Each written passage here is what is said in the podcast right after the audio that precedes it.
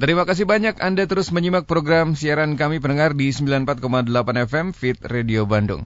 Apa pun aktivitas Anda saat ini tidak pernah bosan kami terus mengingatkan agar sama-sama tetap disiplin, tidak kendor menerapkan protokol kesehatan, menghindari kerumunan, mengurangi mobilitas, menjaga imunitas ini untuk memutus atau upaya sebagai memutus penyebaran dan terhindar dari penularan COVID-19.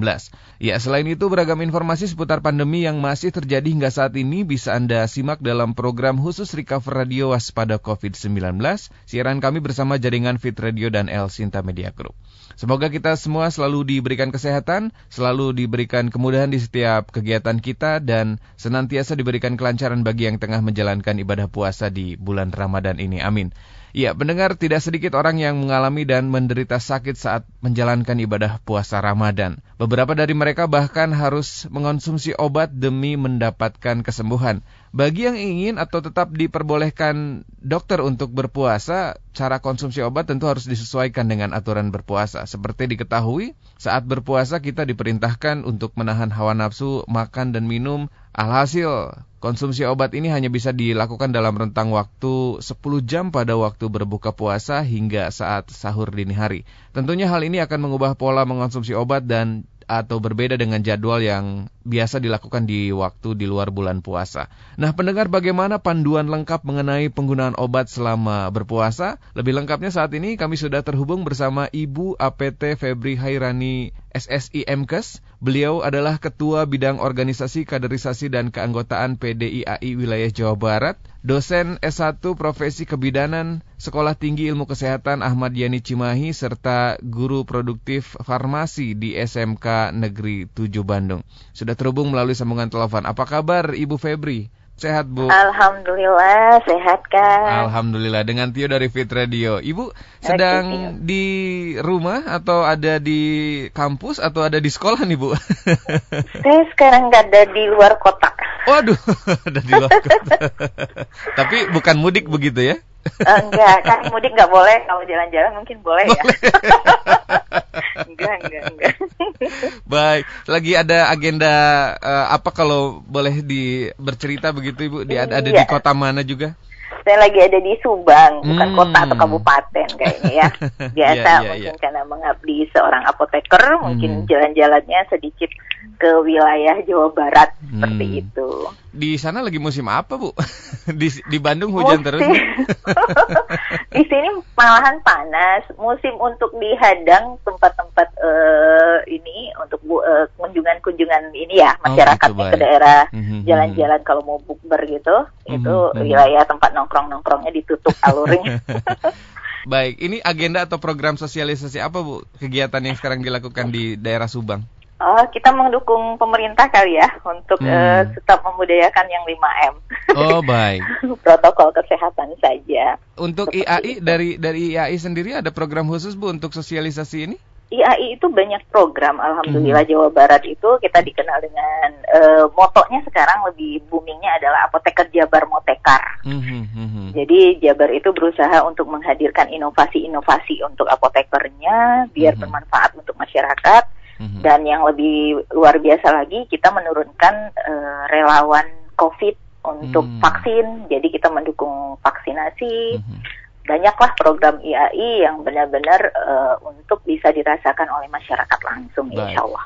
Amin di bulan Ramadan ini program juga tetap berjalan normal ya? Jalan, jalan. Hmm. Kita juga ada program sabar kan, berbagi untuk hmm. semua masyarakat yang membutuhkan. Insya Allah nanti dibaginya di tanggal 28 serentak hmm. di 27 PC yang ada di Jawa Barat. Amin.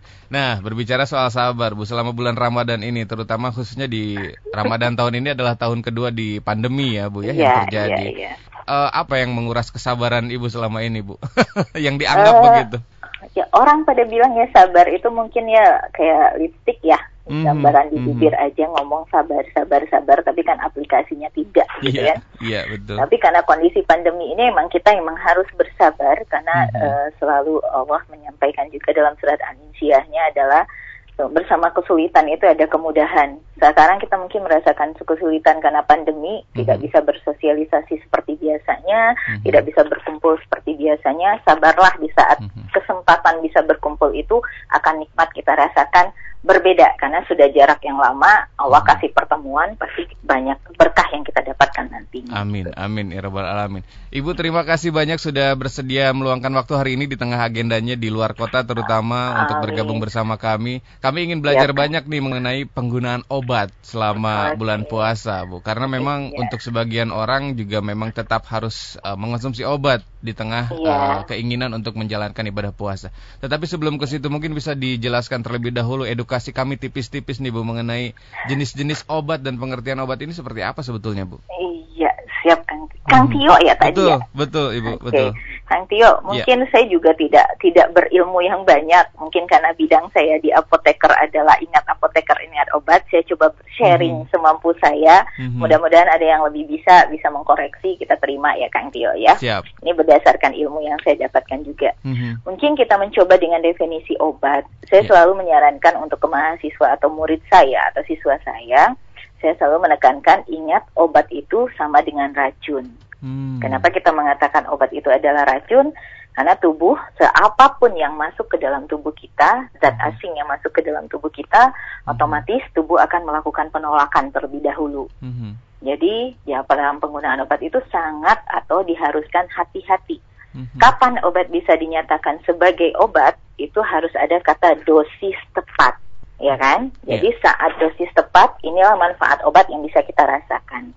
Kalau misalnya ditanyakan berdasarkan para ahli menyampaikan definisi obat itu apa? Kalau misalkan Samsuni tahun 2007 dia menyatakan semua bahan baik itu tunggal ataupun campuran yang digunakan oleh makhluk untuk dalam uh, penggunaannya melalui mulut atau hmm. bagian dalam atau hmm. bagian luar itu dapat meringankan, mengurangi atau menyembuhkan dari penyakit ini hmm. dinyatakan sebagai definisi obat itu sendiri. Mm-hmm. Atau kalau misalnya saya suka ngasih kata kunci, ingat dia bisa mencegah, bisa meringankan atau menyembuhkan mm-hmm. dengan dosis tepat dari segala suatu penyakit. Inilah yang namanya obat. Mm-hmm. Itu pengertian obat yang secara dasar ya. Terus tadi Kang Tio juga nanya yeah. jenis obat apa sebenarnya jenis-jenis obat itu sebenarnya kalau kita dalam bentuk itu bisa kita sebutkan bentuk cair, bentuk mm. gas atau bentuk padat. Iya, yeah, iya. Yeah, Ya bentuk yang cair mungkin yang suka yang anak-anak lah.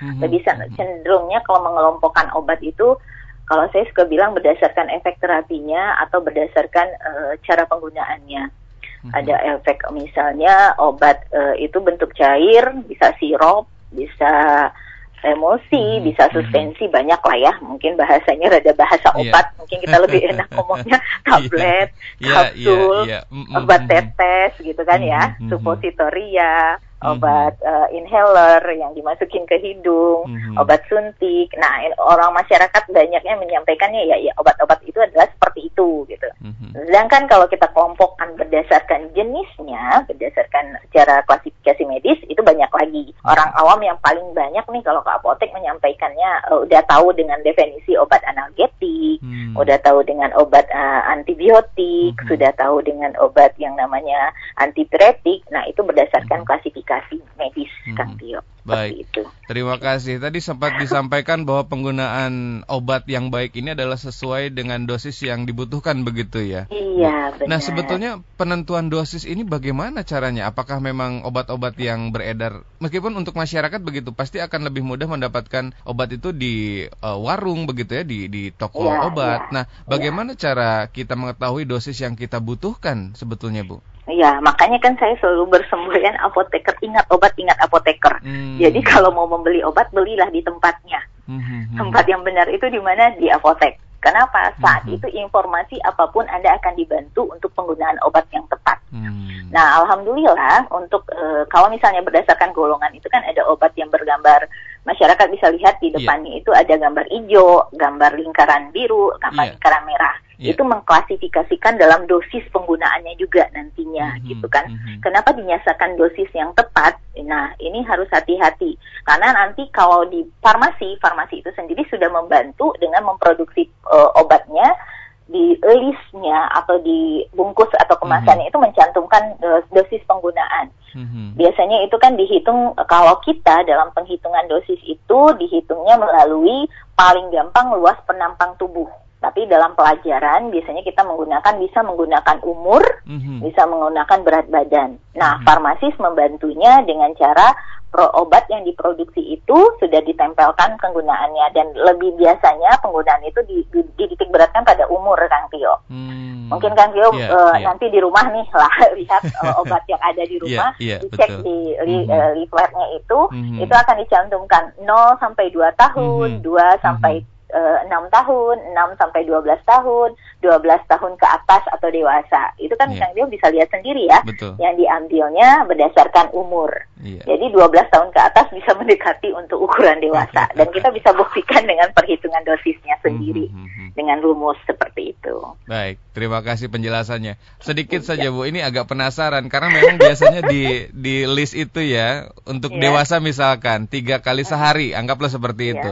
Yeah. Tetapi ketika kita minum cuma dua itu udah agak enakan nih badan. Ah, apakah ini juga sesuai dosis yang dibutuhkan atau tetap istilahnya lebih baik tiga kali begitu bu, sesuai dengan nah, anjuran di ya. di list obat itu? Eh, ini pe eh, pertanyaannya menarik sekali ya. Ingat kalau hmm. misalnya untuk uh, tadi berdasarkan khasiat ya Kang Tio, yeah, ada yeah. obat yang memang wajib dihabiskan yaitu kategori antibiotik. Hmm. Nah ini mau enak mau nggak enak kategorinya dihabiskan. Kalaupun masalah diminumnya hmm. adalah disuruh tiga kali satu dan ternyata Kang Tio ngerasain nyamannya di dua kali iya, satu, yeah, tetap yeah. harus dihabiskan dan dilanjutkan sampai uh, dosis terapinya itu habis. Biasanya hmm. kan kalau hmm. penggunaan antibiotik itu tiga hari, lima hmm. hari, tujuh hari. Itu tergantung dari diagnosa dokternya. Yeah, nah, yeah. kalau untuk antibiotik ini kita udah lock, itu wajib dihabiskan. Berbeda dengan hmm. obat analgesik atau obat antipiretik di saat uh, Kang Tio ngerasa udah dua kali minum nih udah nyaman, nggak yeah. apa-apa dihentikan. Karena kan hmm. targetnya memang menghilangkan nyeri hmm. atau sakitnya hmm. pada kondisi tertentu. Yeah. Sedangkan kalau antibiotik kan membasmi bakterinya hmm. itu atau kuman, hmm. uh, vir, uh, virus sih bukan antibiotik ya antivirus. Hmm. Nah itu kan harus ada dosisnya yang benar-benar saat Kang Tio ngerasa sembuh, yeah. itu berarti dia mungkin setengahnya yang baru dikikis, hmm. belum semuanya gitu. Jadi kalau misalnya diberhentikan di situ akan lahirlah efek yang tidak diinginkan kalau hmm. di antibiotik namanya resistensi. Hmm. Nah ini yang harus hati-hati kalau untuk antibiotik ya no untuk dihentikan di saat yeah. merasa nyaman seperti itu. Baik, terima kasih remindernya Ibu karena memang seperti itu biasanya ketika sudah yeah, agak iya. enak, yeah. sudah agak nyaman gitu, enggan buat yeah. meneruskan Ibu karena memang menurut saya begitu pribadi nggak ada yang enak Bu obat. Iya, nggak ada. Nggak ada yang enak. Tio, saya farmasi aja orang yang anti untuk minum obat. ya, jujur nih ya, cuman kondisi pandemi ini kita yeah. butuh uh, yang namanya doping dari luar luar, mm-hmm. makanya ada yang bilang kan empon-empon tuh yeah, bagus untuk yeah. naikin imun. Yeah. Nah, ya itu nggak apa-apa yeah. dilakukan sekarang. Sekarang mm. harus bersahabat apa pun yang bisa menaikkan imunitas. Mm-hmm. Ternyata imunitas yang terbaik untuk naik apa? Kita bisa tertawa setiap hari, Kang Tio. Oh, Bikin begitu. hati bahagia. Nah, itu dia. Asal ketawanya jangan sendirian mungkin Bu. Oh iya, itu yang masalah luar biasa. Baik, terima kasih penjelasannya. Ibu tadi sedikit menyampaikan mengenai tanda begitu ya, atau ada tanda hijau, ada tanda merah, ada tanda biru, Bu. Apakah ini juga berlaku tanda itu untuk anak-anak, Bu, sebetulnya? Sebenarnya itu penggolongan obat mau tidak untuk anak-anak mau apa pun golongan obat itu digolongkan berdasarkan hmm. khasiat dan efek yang akan ditemukan yang akan ditimbulkannya. Hmm. Jadi berdasarkan undang-undang kesehatan, yeah. lambang hijau itu gitu kan obat bebas kalau kita menyatakan. Hmm. Tadi Kang Tio menyinggungnya kan saya bisa beli di warung. Yeah. Oke, okay, itu dilegalkan. Hmm. Ya kan? Hmm. Cuman bedanya Kang Tio beli obat bebas di warung yeah. dengan obat bebas di apotek, hmm. untungnya adalah di apotek Oh mungkin Kang Tio ah lebih murah di warung, tapi hmm. Kang Tio tidak dapat informasi obat hmm. secara detail di apotek. Yeah. Ya kan, yeah. kalau di warung kan cuma beli biasa. Yeah. Nah, maksudnya bebas, bebas dibeli di mana saja. Kalau hmm. yang berlogo biru itu yang namanya lingkaran hitam ada biru di dalamnya adalah obat bebas terbatas. Hmm. Maksudnya apa? Dalam obat bebas terbatas itu ada peringatan hmm. di dalamnya. Hmm. Ini boleh menyebutin produknya nggak sih? Silahkan Bu, nggak apa-apa. Contoh, hmm. kalau misalnya obat bebas itu mungkin Kang Tio pernah dengar paracetamol. Hmm. Hmm. Kalau nama patennya mungkin Panadol ya, hmm. Iya. Panadol. Yeah. Sunmol, produk Sunbe gitu ya. Mm -hmm. Tapi kalau misalnya naik level lagi yang warna biru, mm -hmm. Kang, uh, Kang Tio bisa lihat nanti yang namanya Paramek. Paramek mm -hmm. itu isinya Panadol, eh, isinya paracetamol, maaf, mm -hmm. itu ada tambahannya nanti kafein di sana. Mm -hmm. Nah itu yang harus uh, hati-hati penggunaannya karena ada obat keras di sananya kan yeah, kafeinnya yeah. gitu. Yeah, yeah. Nah, sedangkan untuk lambang ada K nih itu garis lingkaran hitam mm -hmm. ada huruf K dan merah yeah. itu sangat hati-hati sekali karena harusnya itu mm. harus pakai resep tapi kan banyak tuh masyarakat yang belinya tidak pakai resep. Ini yang harus diedukasi selalu. Hmm. Kalau misalnya datang di apotek, di saat saya berpraktek, saya suka mengingatkan, ini harus hati-hati. Apalagi obat hipertensi itu paling gampang dibelinya tanpa resep. Seperti hmm. itu, Kang Tio. Ya, baik. Jadi memang lebih menguntungkan begitu ya bagi masyarakat iya. jika memang harus atau membutuhkan obat datangnya ke toko obat apotek. atau di apotek begitu. Iya. Jadi biar bisa mendapatkan penjelasan juga dari iya. apotekernya.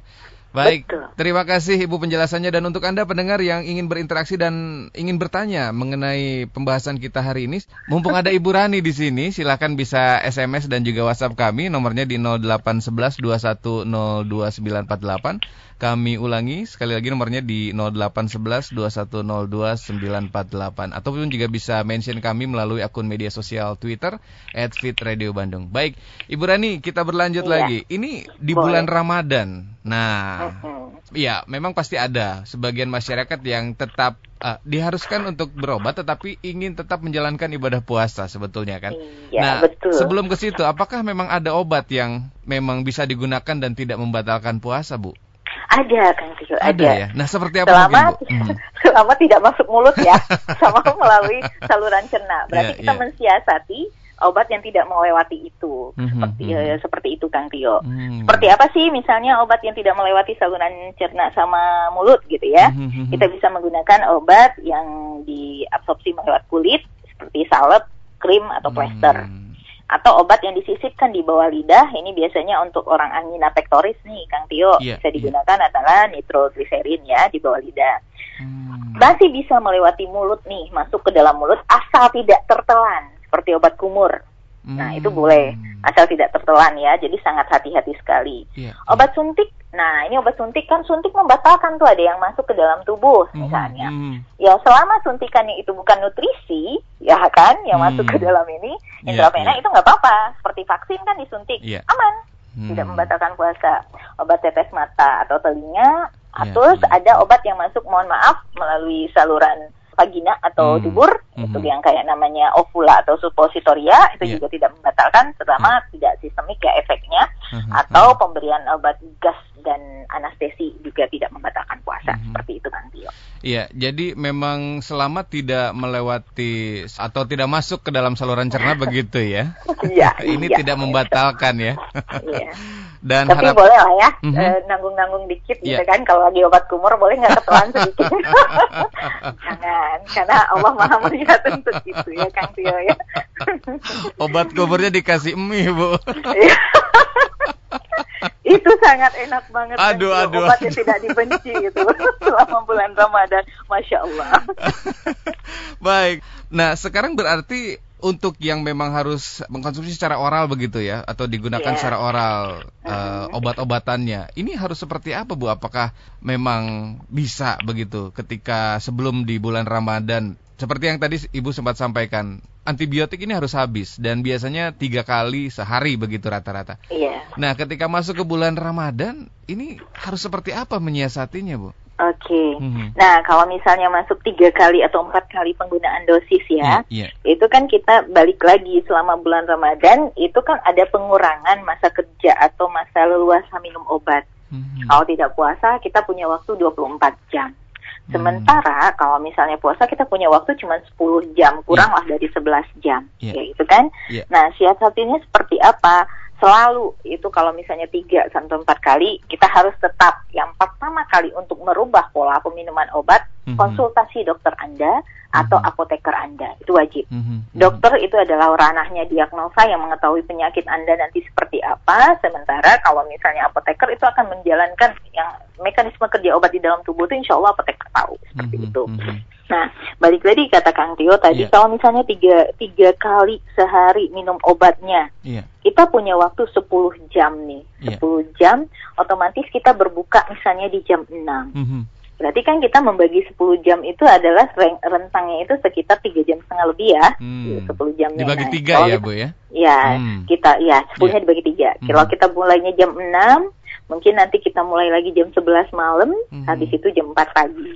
Emang sedikit rada rada apa ya ngagokin ya, hmm. tapi tetap aktivitas obat kita bisa efektif seperti itu. Hmm. Untuk yang empat kali juga sama akan kita bagi, berarti dibagi empat lah dengan hmm. rentang waktu yang kita punya seperti hmm. itu Kang Tio. Baik, ini tidak berpengaruh ya Bu terhadap efektivitas obat sendiri bagi tubuh begitu? Uh, kalau selama rentang pemberiannya uh, itu benar, sih hmm. tidak akan berpengaruh terhadap uh, dosis yang kita gunakan sudah tepat. Insya Allah hmm. yang tadi kita ya persyaratannya kita sudah konsul ke dokter. Biasanya hmm. Hmm. kalau misalnya yang akan lebih memudahkan ada akan caranya adalah mengganti obat dengan cara kerjanya yang lebih lepas lambat. Hmm tapi tidak memungkinkan misalnya dengan sistem lepas lambatnya ini karena memang harus dikonsumsi tiga kali atau empat kali ya hmm. sistem yang kita pakai yang seperti tadi mengatur yang 10 jam kerjanya hmm. leluasa obat itu dibagi dengan rentang waktu yang kita butuhkan seperti hmm. itu. Baik. Nah, untuk penggunaan yang obat yang di luar uh, antibiotik begitu karena memang ya. biasanya ada obat yang harus diminum sebelum makan atau setelah makan begitu ya, Bu ya. Iya. Nah, ini bagaimana nih, Bu? Di di bulan Ramadan ini juga mungkin bisa dikasih kisi-kisinya nih untuk kami para pendengar. Sebenarnya sih tidak ada masalah mau sebelum atau sesudah ya Kang ya. Hmm. Cuman kalau kalau sesudah mah aman lah ya. Yeah, Karena yeah, kan yeah. waktu jeda sesudah itu disarankan kalau kita sudah makan kan diharapkan lambungnya sudah terisi mm -hmm. tidak dalam mm -hmm. keadaan kosong nih iya. sesudah yeah. makan. Yeah. Jadi bisa langsung minum obat itu jedanya antara 5 sampai sampai 10 menit. Nah, mm. itu hmm. silahkan untuk meminum obat setelah makan. Mm -hmm. Sementara kalau yang sebelum makan itu memang kita punya kerja ekstra biasanya. Hmm. Kerja hmm. ekstranya apa? Kalau kita lagi sahur nih, yeah. diharapkan biasanya sahur jam 4, yeah. jadi jam setengah 4 udah minum obat dulu hmm. gitu. Jadi tujuannya 30 yeah, yeah. menit ke depan kita sudah yeah, yeah. sudah bisa untuk melakukan makan iya. normal yeah. seperti biasa. Baik. Seperti itu kan. Berarti yang obat sebelum makan itu paling tidak 30 menit ya, Bu ya? 30 menit. Hmm, nah Disarankan ini. 30 menit tujuannya adalah bisa hmm. melapisi lambungnya dengan baik jadi tidak akan yeah, terjadi yeah. iritasi saat mengkonsumsi makanan biasanya kan kerja lambung nggak nyaman itu diisi gitu kan. Yeah, biasanya yeah. obat-obat antasida atau obat-obat lambung yang dikasih seperti ini yeah. biar kenyamanan lambungnya tetap saat kita mengkonsumsi makanan yaitu diberikan diberikanlah jedanya 30 menit biar obatnya bisa mengcover hmm. kondisi lambungnya seperti itu. Iya, yeah, iya. Yeah. Berarti kurang tepat jika memang obat yang diminum sebelum makan ini sesaat sebelum makan baru diminum ya Bu ya. Iya, sangat tidak tepat ya. tidak Kenapa? Tepat. Karena tidak tidak ada efek yang kita targetkan oh, di sana sebenarnya okay. gitu. Baik, baik. Terima kasih penjelasannya. Jadi memang untuk antibiotik tadi yang memang harus terus dilakukan begitu selama bulan Ramadan ini bisa dibagi waktu pengkonsumsiannya begitu di antara waktu berbuka hingga imsak uh, iya. dibagi per jadwal minumnya begitu ya, Bu iya, ya. betul. Kalau tiga kali berarti 10 jam dibagi tiga, kalau empat kali berarti 10 jam dibagi empat, kurang lebih seperti itu. Nah, Betul. untuk penggunaan obat yang non antibiotik atau yang harus diminum sebelum dan setelah makan, kalau setelah makan kurang lebih sih uh, aman ya, Bu ya. Tapi yang iya, sebelum makan ini uh, harus 30 menit sebelum waktu makan ternyata. Seperti itu pendengar. Nah, kemudian untuk yang penyakit kronis nih Bu, bagaimana? Apa ini uh, pola pengonsumsian obatnya? Apakah memang ada saran khusus begitu Bu dari para apoteker? Mungkin gini kalau hmm. yang penyakit kronis kita kan masih tetap ya diskusi dokter dan segala macam kalau misalnya merasa hmm. uh, setelah dipantau nih kalau kita bilang ya boleh bu melakukan puasa yeah. ya kalau kondisinya memang nyaman silakan hmm. tapi kalau merasa dia tidak nyaman jangan dipaksakan karena kan memang ada beberapa kondisi yang tidak memaksakan puasa juga hmm. gitu jadi kita lihat kondisinya lihat jadwal perubahan obatnya biasanya kita akan mencoba dulu uh, untuk awal-awal kita coba dengan kondisi yang baru ya Bu minum obatnya seperti jadwal tadi ya Kang ya. Iya, Terus iya. nanti uh, bagaimana rasanya ada perubahan nggak dengan kita merubah sistem minum obatnya? Kalau misalnya ada perubahan terasa lebih pusing atau gimana kita boleh menghentikan untuk tidak melakukan puasa terlebih dahulu seperti hmm. itu kan.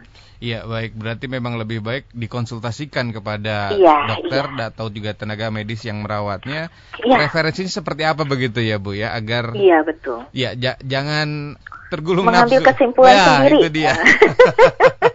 Jadi ngerasa mengambil. ini obat hmm. saya yang tahu, saya hmm. yang minum ya udah saya ini hmm. jangan itu berbahaya sebenarnya. Iya iya iya betul sekali. Terima kasih penjelasannya. Ini sudah ada beberapa yang bergabung bersama kita Bu. Bisa ya. saya bacakan satu persatu ya Bu ya? Boleh silakan. Oh ini panjang-panjang Bu. Mudah-mudahan intinya aja Kang. Mudah-mudahan saya bisa menjawabnya. Baik ini dari 0821 0821 133 sekian sekian um, tidak disebutkan namanya. Bu, iya, terkadang kita memilih obat warung sebagai pertolongan pertama. Iya. Karena kalau ke apotek harus ada resep. harus ada resep dokter dan yang antriannya harus ke dokter dulu katanya. Jadi kalau bawa fotonya juga kadang takut salah dan terkadang penjaganya jutek. ini, PR buat kita. Boleh terima kasih tuh. Iya, dan juga kurang paham tentang obat, Bu. Misalkan karena yang jaganya asisten begitu, asistennya. Baik. Mungkin bisa ditanggapi, Bu. Oke, terima yeah. kasih untuk 08 sekian sekian yeah, ya. Yeah. Sebenarnya yang harus di karena ya, sepertinya mindsetnya masih jelek terhadap apotek. Sebenarnya tidak semua sih mm -hmm. yang jutek dan segala macam. Sekarang kita sudah melakukan mm -hmm. uh, apa ya namanya diskusi kepada semua sarana apotek untuk mm -hmm. melakukan yang namanya pelayanan. Mm -hmm. Itu memang harus biasa senyum salam sapa harus kita mulai. Mm -hmm. Karena saat pasien datang yang perlu sebenarnya itu bukan obat tapi sugesti untuk kesembuhan. Hmm. Yang proses kesembuhan itu kan harusnya ada sugesti saat dia merasa nyaman yeah. dan yakin proses kesembuhan itu akan terbentuk.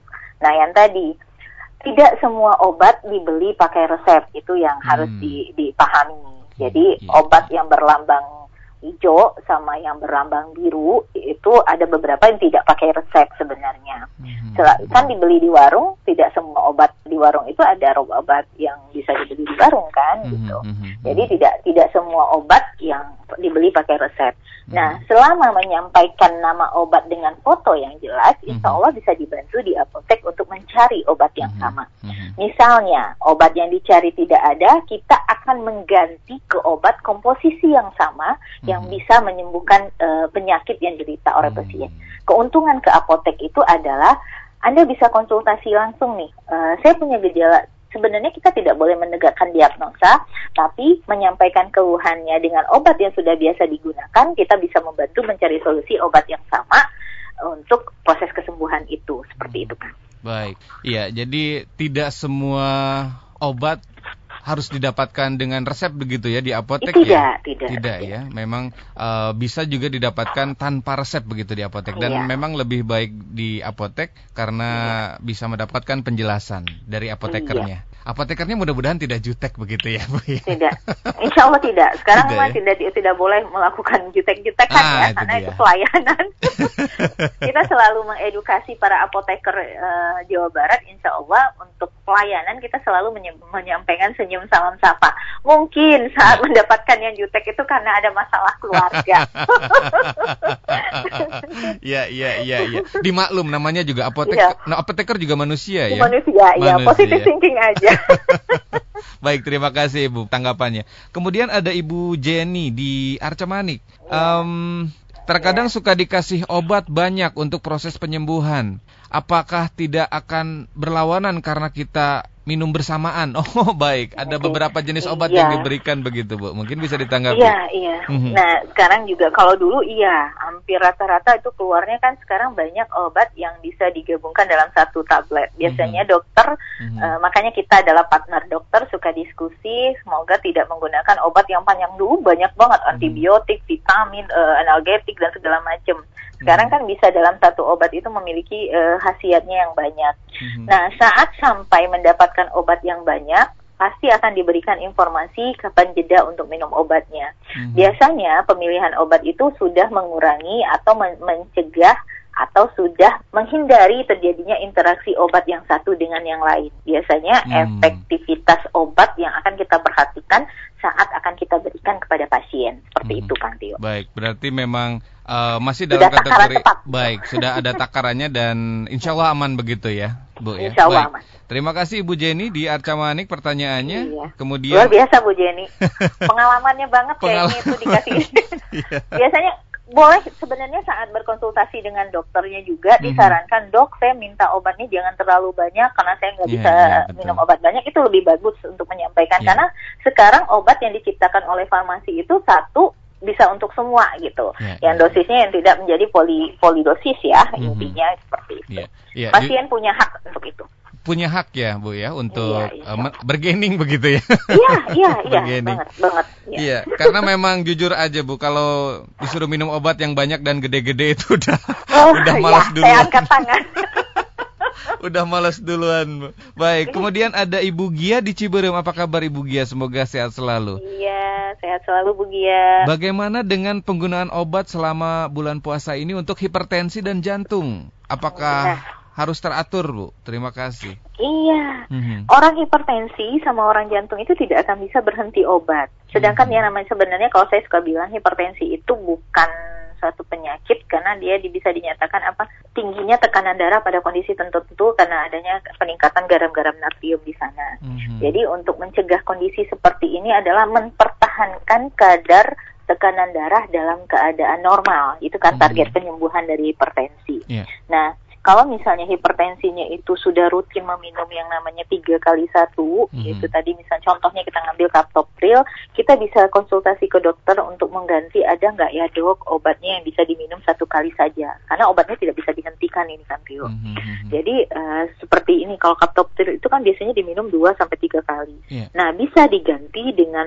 lisinopril itu bisa diminum sekali, tapi mm-hmm. dengan catatan konsul lagi ke dokternya. Ibu mm-hmm. bisa nggak diberikan obat itu? Konsul lagi ke apotekernya. Mm-hmm. Jadi semuanya bisa dikondisikan obat yang akan diminum itu dengan waktu yang pelepasannya uh, lambat tadi kan, mm-hmm. seperti itu. Baik, ya jadi memang tidak pernah bisa berhenti minum obat ya, Bu ya sebetulnya. Ya, menjaga ya. kondisi ya. Untuk merawat dan menjaga. Mm-hmm. Iya. Baik seperti itu Ibu Gia di Ciberem dan yang paling uh, penting tadi sempat disebutkan oleh Bu Rani di awal adalah sugestinya juga harus tetap positif ya Bu ya. Iya, selama iya, iya. selama perawatan dan selama memang jadwal meminum obat tuh jangan jadi dibawa kesel gitu minum obatnya ya Bu. Iya, ya. betul, betul Kang Tio, sangat-sangat iya. betul. Ya. Jadi berpikiran begini, setiap kita beli obat ini adalah proses kesembuhan. Mm-hmm. Hmm. Jangan sampai nanti pas kita beli obat selalu bilang ini nih yang nyusahin saya nah, harus ini. Tubuh dia. akan meresponnya adalah susah gitu. Ya, ya, nah itu kan secara psikologis yang kita mm -hmm, tidak tahu. Mm -hmm. Nah saat kita menyatakan oke okay, saya beli obat ini adalah untuk proses kesembuhan, tubuh akan merose, meresponnya adalah mm -hmm. itu kesembuhan mm -hmm. seperti itu. Mm -hmm. Dan saya selalu untuk menekankan pada pasien-pasien saya kalau datang, bu obat mah nggak ada apa-apanya. Ibu percaya nggak kalau dikasih minum dengan baca-bacaan bisa mm -hmm. sembuh? Kenapa? Mm -hmm. Tersugestinya itu adalah obat penolong yeah, sembuh gitu yeah, kan melalui yeah. air gitu kan. Mm -hmm. Nah jadi saya bilang proses sugesti itu yang paling penting kalau kita pengen sembuh sebenarnya. Mm-hmm, mm-hmm. Di samping obatnya yang utama ya. Betul. Iya, saling melengkapi akhirnya jadi iya, menjadi iya. salah satu atau menjadi faktor kesembuhan begitu. Baik, terima kasih Ibu iya. Gia di Ciberem pertanyaannya. Ibu Rani juga terima kasih tanggapannya. Satu lagi ya Bu ya. Ini agak Boleh. menarik nih Bu. Siapa tahu mungkin Ibu juga bisa memberikan pencerahan kepada kami. Tidak disebutkan namanya. Apa ada pendidikan khusus untuk seorang apoteker untuk bisa membaca tulisan resep dokter yang tegak bersambung, Bu? Ini yang pernah saya alami saat saya pertama yeah. kali lulus jadi apoteker dan saya berada di apotek waktu itu bekerja. Kalau di rumah sakit masih aman, saya bisa mengejar. Saya pernah bekerja juga di rumah iya, sakit yeah, mengejar yeah. ke dokternya, dokternya untuk dibacakan. Langsung, ya. uh, uh. Yeah, Tapi yeah. kalau di itu ya sebenarnya tidak ada pendidikan khusus Makanya hmm. kalau sekarang sih alhamdulillah sudah hmm. kita tekankan beberapa kali juga ke dokter sebenarnya kalau dulu mungkin hmm. karena ini rahasia maka hmm. dibikinlah untuk uh, beberapa tulisan yang memang tidak bisa dibaca oleh masyarakat awam. Hmm. Tujuannya adalah tidak terjadi penyalahgunaan. Yeah, nah, yeah. saat uh, kalau zaman dulu saat saya lulus itu saya akan bermodalkan adalah beberapa buku petunjuk di saat itu. Satu resep kita akan bacanya mungkin butuh waktu 30 menit. Kenapa resep itu lama?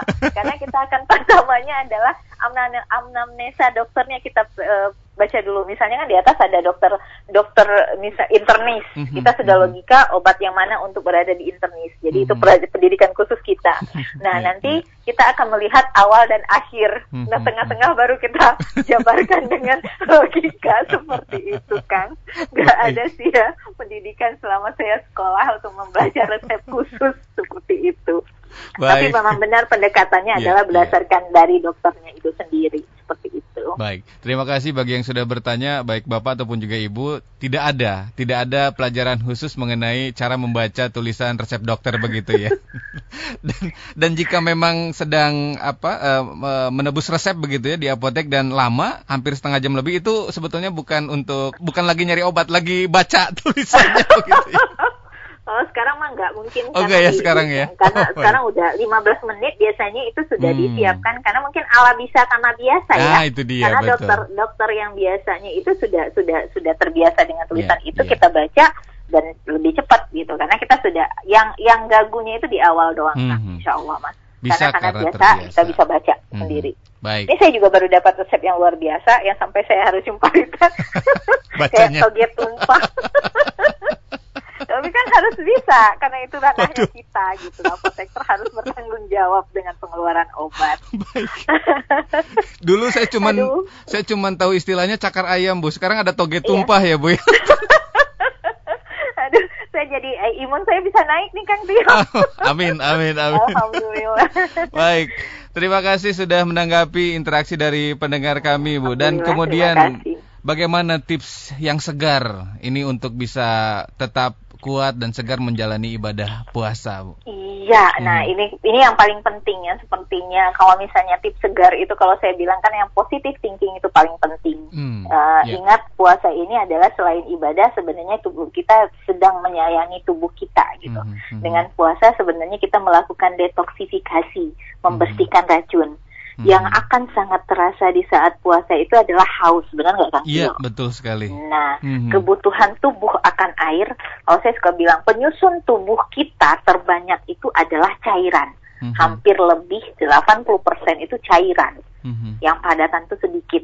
Nah, hmm. makanya kenapa saat puasa butuh air banget yeah. kita ngerasa dehidrasi. Yeah. Nah, untuk mencegah yang namanya dehidrasi itu kita harus mencukupilah 8 gelas air per hari. Mm-hmm. Nggak mungkin lah ya selama puasa saya bisa minum 8 gelas, siapa bilang?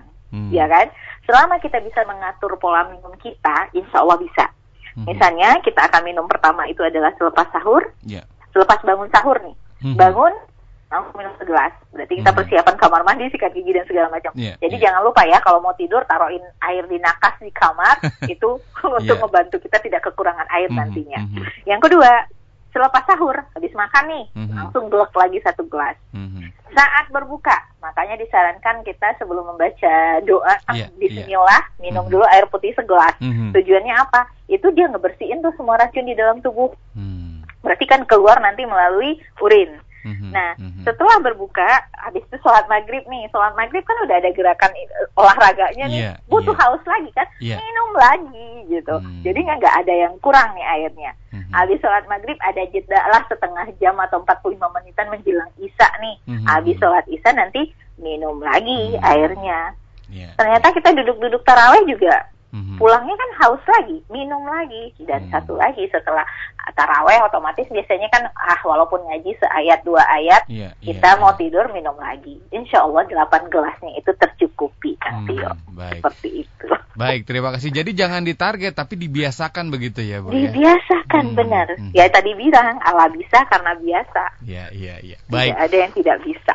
Terima kasih banyak. Kemudian sebagai penutup closing statement yang bisa disampaikan Bu mengenai poin bahasan kita hari ini sekaligus juga mungkin ada ucapan selamat menunaikan ibadah puasa bagi para pendengar yang tengah menjalankannya saat ini Bu. Oke.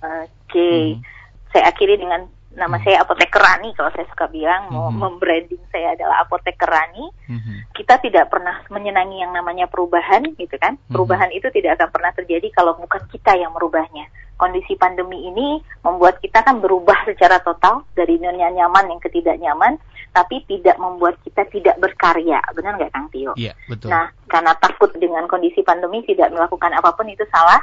Dengan pembahasan kita hari ini atau karena puasa tidak saya tidak akan minum obat itu salah. Bagaimana caranya kita merubah sistem itu untuk menjadi lebih baik di saat kita menjalankan ibadah puasa seperti itu kan. Mm -hmm. yeah. Jadi Jangan lupa himbauannya selamat menunaikan ibadah mhm. puasa bagi mm -hmm. yang menjalankan sampai berbuka. Mm -hmm. jangan dijeda-jeda yeah. maksudnya ada iklan nanti mm-hmm. uh, cemal cemil sana sini yang tidak menjalankan tidak apa-apa tolong hormati yang melakukan ibadah puasa pada hari ini seperti itu. Baik, terima kasih. Jangan lupa sebelum makanan berat atau sebelum berbuka air putih air, dulu begitu air ya. Air putih itu air adalah putih, ya. obat ya. yang paling mujarab. Siap. Insya Allah. Terima kasih atur nuhun Ibu Rani untuk waktu dan kesediaannya bergabung bersama kami. Semoga lain waktu tidak pernah bosan bisa uh, mengedukasi kembali ya bersama kami ya Bu ya. Amin. Insya Allah Kang Tio. Semoga bermanfaat. Amin. Mohon maaf atas segala kekurangan saya. Terima kasih Terima obat kasih. stresnya hari ini Kang Tio. Sama-sama Tetap Ibu. sukses untuk uh, ini ya radionya. Jangan lupa Healthy hmm. Lifestyle Radio, Stay Fit for Life. Atur nuhun. 94.8. Ya. Sehat selalu. Kasih. Sehat selalu Ibu selamat beraktivitas. Terima kasih. Demikian pendengar perbincangan kami bersama Ibu APT Febri Hairani SSI MKes. Beliau adalah Ketua Bidang Organisasi Kaderisasi dan Keanggotaan PDIAI Wilayah Jawa Barat, dosen S1 Profesi Kebidanan Sekolah Tinggi Ilmu Kesehatan Ahmad Yani Cimahi serta guru produktif farmasi di SMK Negeri 7 Bandung. Terima kasih juga untuk Anda yang telah bergabung dan berinteraksi bersama kami. Mohon maaf jika ada pertanyaan lain yang belum sempat kami sampaikan kepada narasumber. Tapi bagi Anda yang baru saja bergabung dan tidak sempat mendengarkan perbincangan kami secara utuh, Anda bisa menyimak kembali setiap episodenya melalui podcast Spotify at Fit Radio Bandung. Terima kasih, tetap fit, tetap sehat, tetap semangat fit listeners, and stay fit for life.